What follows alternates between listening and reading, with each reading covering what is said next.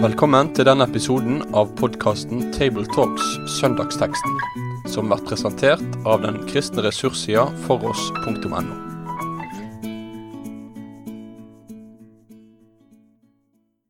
Da ønsker jeg hjertelig velkommen til en ny utgave av Tabletalks Søndagsteksten fra foross.no.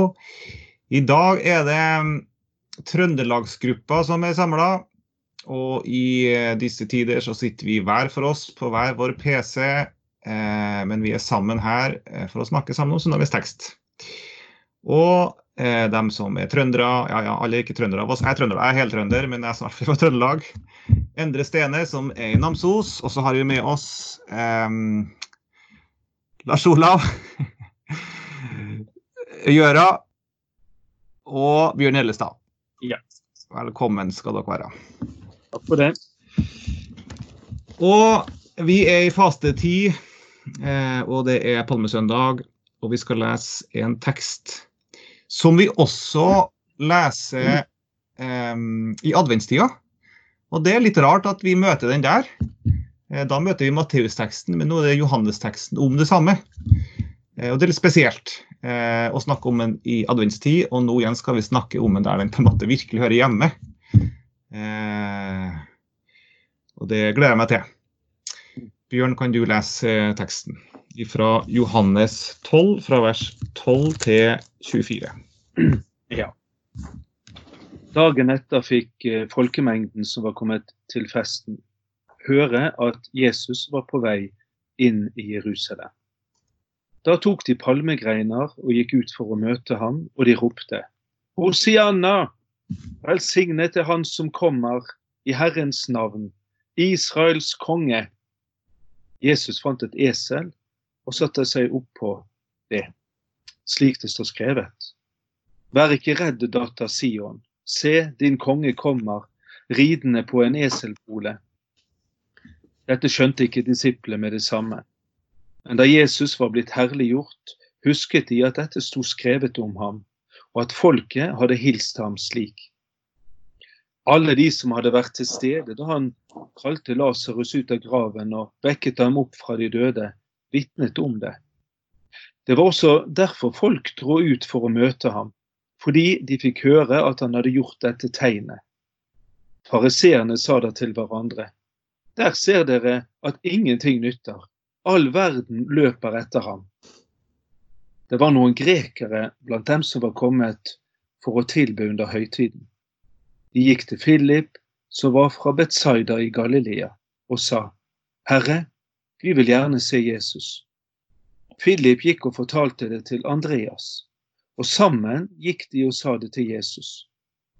Jesus svarte, Timen er kommet, da menneskesønnen skal bli herliggjort.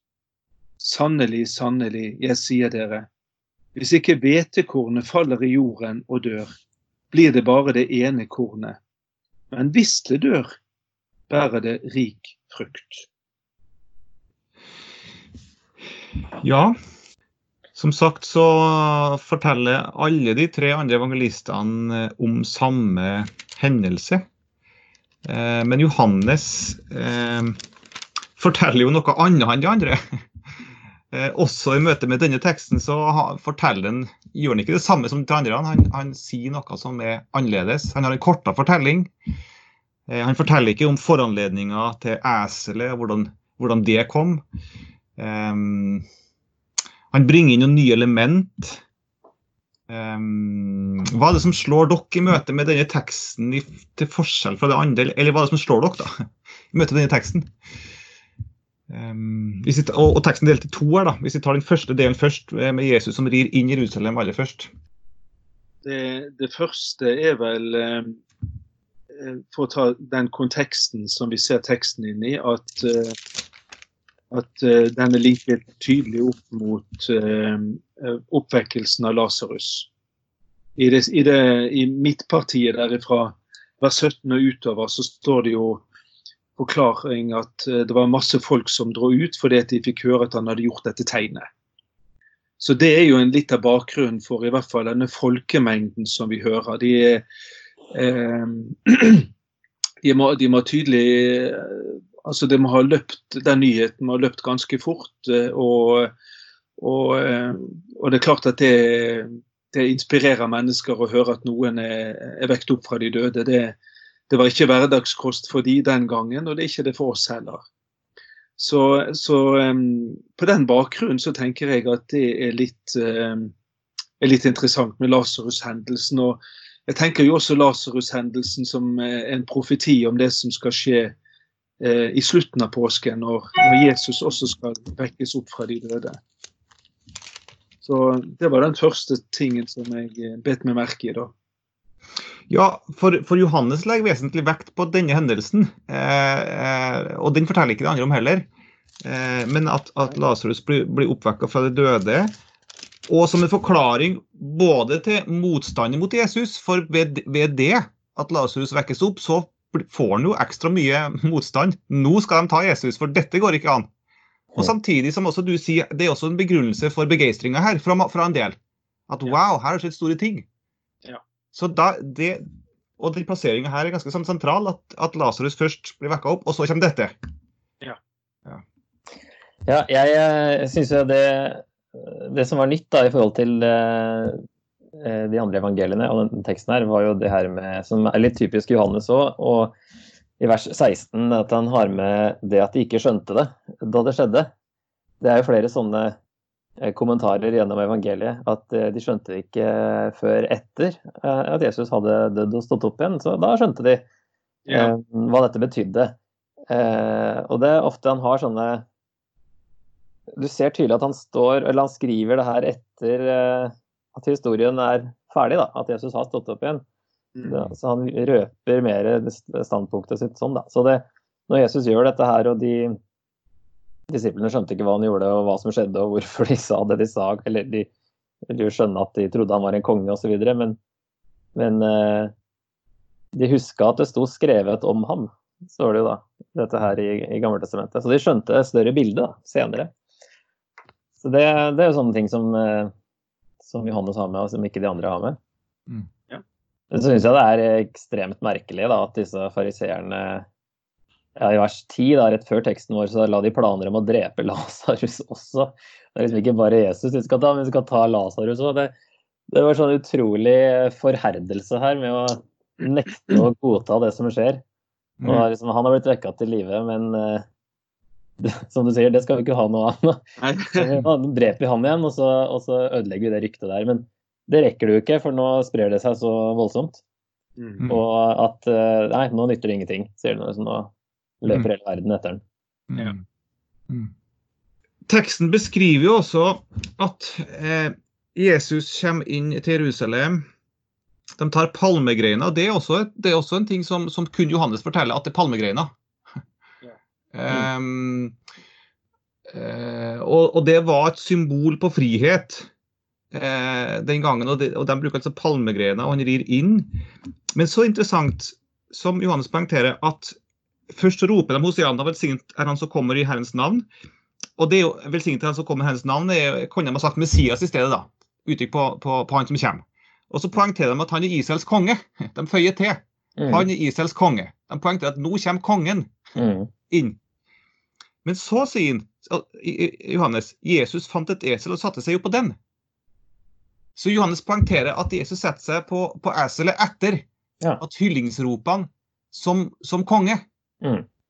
Ja. Eh, og kanskje ligger det der et element i at Johannes prøver å si OK, de hylla han som konge.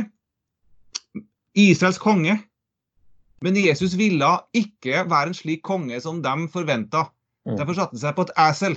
Både mm. for å oppfylle profetien som, som eh, Johannes peker på her i, i Sakarias, men, men, også for å vise til folket Vet du hva, jeg er ikke en sånn konge som dere forventer. Derfor setter jeg meg på et esel nå, når dere hyller meg som konge.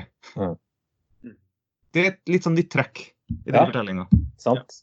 Og så er det jo også her De er jo så oppskaka, de folka her, da, pga. Eh, Lasarus-hendelsen. Og eh, følger jo på en måte Jesus pga. Eh, de undrene han gjør. Og, og tenker jo nå at ja, nå kommer den store Messias, eh, og så må Jesus ha noen grep for å mm. rette litt på det inntrykket. At, eh, Sånn som han tidligere, i kapittel seks, vel, at han når de har lyst til å de har tenkt å gjøre han til konge, står det, så stikker han av. Mm. Men uh, det er tidligere, så nå, nå er det greit å, si, å, å, å ri inn i, i, i, byen, men han vil jo likevel liksom uh, få fram at han er ikke den, den kongen de har tenkt. Mm. Ja, og så, og så kommer han jo som konge. Ja, han kommer som konge, han vet han er Israels konge. Eh, og han er også salva til å være konge. Og det er jo der Plasseringa av teksten er interessant, for det kommer rett, rett etter salvinga i Betania. Synoptikerne har den teksten etter salvinga. Men Johannes setter salvinga først, og så eh, Jesu eh, innfart i Jerusalem. Og i det så ligger det kanskje også for, vil kanskje også Johannes si at Jesus ble salva. Og det ble til og med salva en kvinne Ja. til konge. Mm. Men ikke for, å, ikke for å få herskermakt, men for å lide og dø. Mm. Og ja, han rir inn gjennom Jerusalem for å motta kroninga, men det er en tornekrone. Mm. Han skal få en kongekappe, men det er for å latterliggjøres og hånes. Mm. En slik konge er det nå som rir inn Mm. eh, Jerusalem.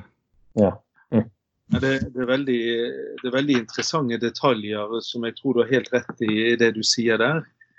For sånn i utgangspunktet så, eh, så eh, tenker vi jo det at her er det en fantastisk sjanse eh, som Jesus har. Det er en av de tre store festene. sant? Det er påskefesten, den aller største av de. Og, eh, og hvis vi tenker tilbake til eh, Moses som eh, nettopp i påsken eh, skulle føre folket ut i frihet. Kanskje ser de nå også en parallell her, at nå, nå er det kommet en ny, eh, ny David, men også en ny Moses som kan føre folket ut av, eh, av dette trelldommen under romerne. Og så eh, når de, bruker, når de tar ned disse palmegreinene, som det sies at det skal være mange sånne daddelpalmer der i området, så var jo det et, et sånt, har forstått, et sånt nasjonalistisk symbol i, Israel, nettopp palmene. Eh, det var ingen sånn det var ikke noen sånn nøytral gest. altså det, Du kunne ikke brukt noe, noe furutrær eller, eller bjørk eller noe sånt. Det var palme, Mm. palmekvistene. sant? Mm. Eh, og det ser jo vi også på kongelige mynter. Så er det ofte eh, så er det gjerne palmegreiner du har der. Eh, og så har du dette Hosianna-ropet. Eh, som er jo, som du sa vel eh, i sted, Endre, at det var både et, et sånt hyllingsrop, men det var også et bønnerop. Så begge deler ligger det i det. sant? En, eh, en bønn 'nå må du gi frelse, Gud', men også, eh, også et hyllingsrop til Han som er frelseren. Så, så det er flere sånne ting her som, eh, som bygger opp under nå, nå, nå har du sjansen, Jesus. Mm.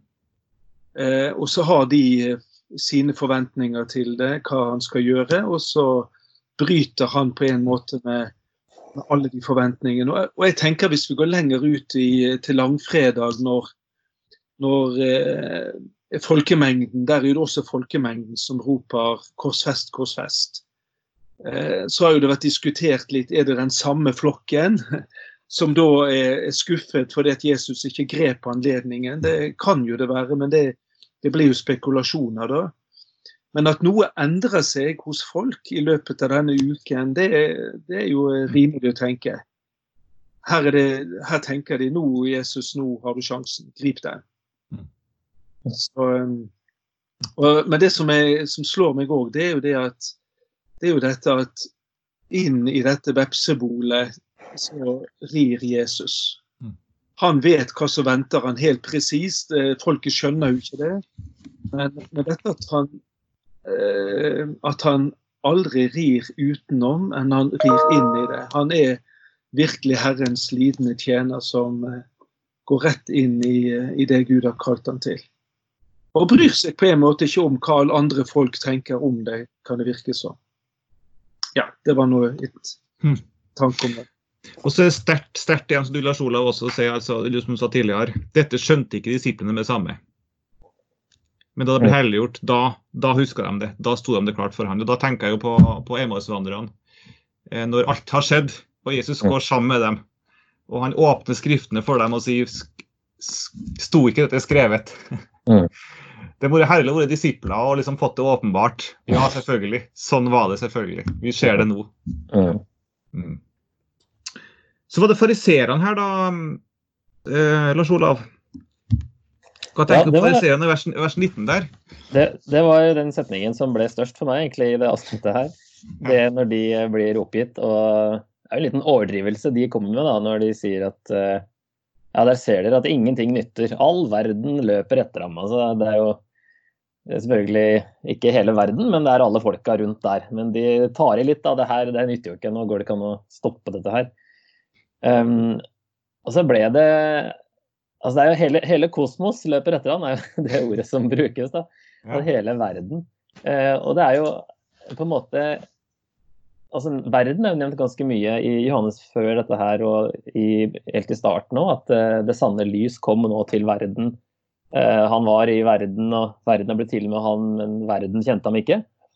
Uh, og så ser man da her en sånn overdrivelse som er litt sånn som Kaifas i eh, Mm. forrige kapittel, som, som eh, snakker bedre enn han vet. Jeg si, altså, Sannere enn han skjønner sjøl. Om at hele verden kommer til å gå etter Jesus. Og det, det ble bare sittende og tenke litt på. Det er virkelig det som har skjedd siden den gangen her. Mm. At eh, det spredte seg jo så fort, eh, helt uforklarlig, med et eh, budskap som var dårskap for verden. Av helt ulærde mennesker. Og helt uforklarlig at det gikk så fort og på den måten. Mm. Og at nå er kristendommen blitt å kalle det den største religionen, da, selv om det er jo selvfølgelig Mm. litt, eh, Det er bare fordi det er spredt seg i, i samfunnet og sånt. Men, Ja. men det er fortsatt det, den eh, religionen det er det som vokser eh, mest med med tanke på konverteringer fortsatt. Så det er jo virkelig noe stort som har skjedd, og hele verden har gått etter ham.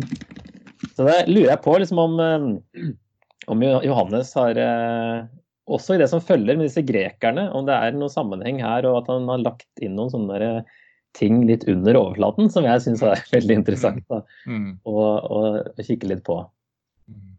Mm. Men la oss fortsette der, på det sporet der. For teksten består av to deler. eh, Og la oss gå over til neste del. Eh, Med disse grekerne Ja. som kommer her. Så det er jo sannsynligvis sånne de såkalte gudfryktige hedningene. Ja. eh, som eh, eh, Ja, det kan jo ha vært eh, ha konvertert, men det høres jo ikke helt sånn ut. At de ikke hadde blitt si, proselytter. Men at de kommer og er, eh, tror på Gud, og innafor de rammene de har, har de kommet for å tilbe. Um, og så går det til Philip, som uh, har jo et uh, gresk navn.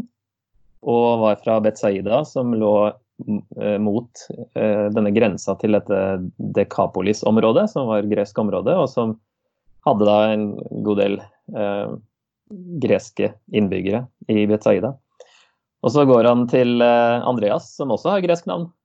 Det er vel de to som har gresk navn av disiplene, som eh, lurer på liksom, hva syns Jesus om det her. Um, han har jo bare vært i kontakt med jøder og, og samaritanere til nå. Syns det er greit å snakke med noen, noen grekere. Kanskje det er sånn de diskuterer, da. Så går de til Jesus. Um, og så uh, Og sier at de er her for å se. De vil se Jesus, sier de da. Og så er det da Jesus svarer at timen er kommet. Og det er jo første gang han sier at den faktisk har kommet. Den har jo alltid vært uh, ikke kommet.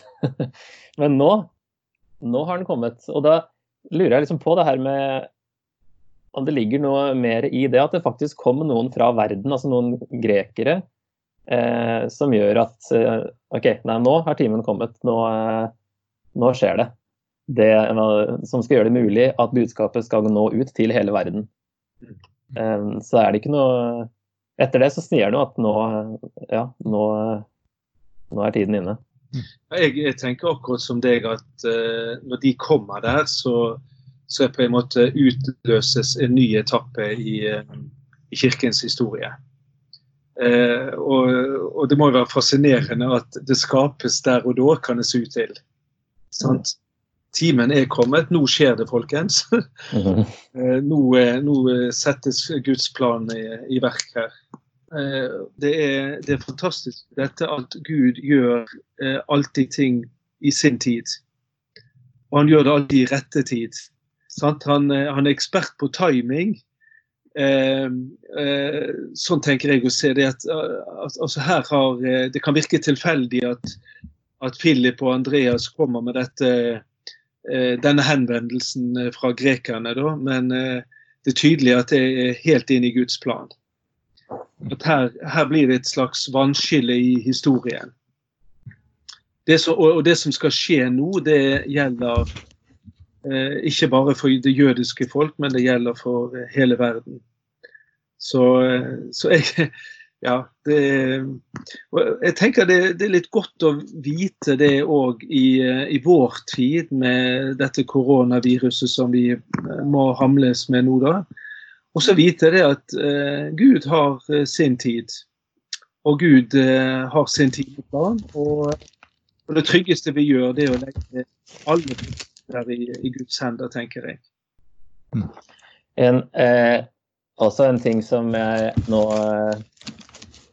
eh, oppdaga litt her, når man eh, ser litt på hvilke ord som brukes, eh, så er jo samme ordet for gå og komme, egentlig. Eh, I de siste versene her. Og som egentlig, Det står jo ikke at, at de bokstavelig løper etter Jesus i vers 19, men de, de har gått gått bort etter han. Og så brukes samme ordet med en annet prefiks når grekerne gikk til Philip. Og så går Philip til Andreas, og så går de til Jesus. Det er mye gåing ja. med, med, litt forskjellige prefiks her. Ja. Eller uten prefiks. Men så er samme ordet faktisk på at timen er kommet. Der er samme ordet en gang til. At, uh, for det er samme ordet for å gå og komme. Ja. Så det virker som denne gåinga til grekerne gjør at nå, nå har timen kommet. At det, er, eh, det ligger noe eh, som Johannes kanskje har ment vi skal Eller at de som leser gresk, skulle, skulle se en sammenheng der. Da. Men den sammenhengen kan man jo se utenom det òg. Men jeg syns det var interessant å, å, gå litt inn i det òg. Så at det her ja, signaliserer eh, at Eller de representerer denne hele verden da, som, som kommer til å gå etter ham. Som mm. fariseerne så oppgitt sa. Mm. Herlig. Ja. Dette var noen herlige sammenhenger, og eh, også at Gud kan bruke fariserene til å peke framover eh, imot evangeliet som skal gå ut til alle folkeslag. Og en dag så vil alle sammen også løpe i apostrof etter han på den måten at alle sammen vil bøye kne for han. Hele verden vil det på et tidspunkt, mm. si at, og, og, vil, og, vil, erkjenne at han er kongen. Mm. Det skal hele verden gjøre en dag. og det, så tenker jeg det her, det her setningen i vers 19 peker fram mot. Mm. Eller så syns jeg det er litt interessant i det samme verset, vers 23, der at det står at, at eh, da nå er timen kommet og menneskesønnen skal bli herliggjort. Hvis vi leser videre, så ser vi hva han skal bli herliggjort gjennom. Det er ikke, mm. det er ikke da ved en uh, seierrik eh, konge som kommer inn, men han sier det er, han skal bli herliggjort ved at han er dette hvetekornet som faller i jorden og dør. Mm. Eh, og at han skal herlig, herliggjøres gjennom eh, sin død, sin lidelse og død. Og selvfølgelig også sin oppstandelse. Men, men også det er Jeg skjønner veldig godt at eh, disiplene hadde store problemer å skjønne dette. Eh, og, og dette, dette gammeltestamentlige uttrykket av Herrens lidende tjener, det, er ikke sikker på om de, hvor sterkt de greide å knytte det inn mot, eh, mot alle Messias-kampene. Eh, men det, det synes jeg er en viktig ting. Jesus blir herliggjort gjennom sin lidelse og død. Mm. Ja, Det er jo en litt sånn spesiell sammenheng mellom det, det spørsmålet også fra, fra de grekerne. Herre, eh, eh, vi vil gjerne se Jesus.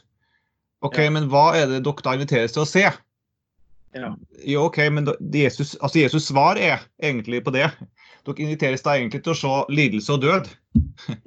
Det er det du skal få se. Eh, det er noe annet enn det man forventer å få se når vi vil se, se noen ting. Mm. Og For at han skal kunne nå ut til eh, verden og til hedningene, da, så, så, må han jo dø. For at det skal bli rik frukt, som mm. han sier. Så hvis ikke hvetekornet faller i jorden og dør, blir det bare det ene kornet. Så hvis Jesus ikke hadde dødd og eh, stått opp igjen, så hadde det bare vært uh, Hadde gjort masse fine undre, og det var flott i seg sjøl. Mm. Men uh, det hadde ikke ført til noe mer. Mm. Men hvis det dør, så bærer det rik frukt. Og så er det den innhøstninga han tenker på, da. Altså frukten som skal høstes inn fra hele verden. Mm. Um, fordi han dør. Så litt, litt motivasjon til seg sjøl, kanskje, med å gå gjennom det, Mm. det han hadde tenkt. Han kunne ha beholdt lykken og herligheten for seg sjøl, eller han kunne ha kommet til oss, gjort store ting og innbudt til Guds rike, men så kunne han ha, ha overlatt oss til oss sjøl og dratt sin vei. Men han gjør ikke det. Han velger å bli her og ofre sitt liv. Mm. Er det noe mer dere har lyst til å si til siste delen? Det må klippes litt her nå, hører jeg. Det får, det får redigere ned, men er det nok mer moment som dere føler ikke er sagt, så har dere sjansen til å si det nå. Jeg, eh, vi sa jo ingenting om eselet denne gangen, eh, for det har vi sagt en del før. Men eh, jeg er også fascinert av dette med, med hva Jesus velger å, å bruke, eller hvem han velger å bruke i sin tjeneste. Og jeg synes jo både det at han velger et esel, og at han velger de typene som de forskjellige eh, disipler er, det syns jeg også er fascinerende. Og det, det viser jo også det at eh, å, å bringe Jesus til hele verden, så velger han å bruke det som i menneskelige øyne hadde liten forutsetninger for å skulle lykkes med oppdraget. Eh, så han eh, så poenget er ikke hva han sitter på eller hvem han er, bruker, men poenget er jo hvem er det han, som, er det han sjøl som sitter på denne, dette eselfolen, og, og, hvem er det disiplet er disippel av. Der ligger hovedtrykket, og ikke, ikke ved deres uh, ja, dyktighet, eller hva man skal kalle det for. Da tror jeg vi, vi runder av for uh, denne gangen, og så avslutter vi eh, som vi pleier, med en bønn til slutt. Kjære Herre Jesus Kristus.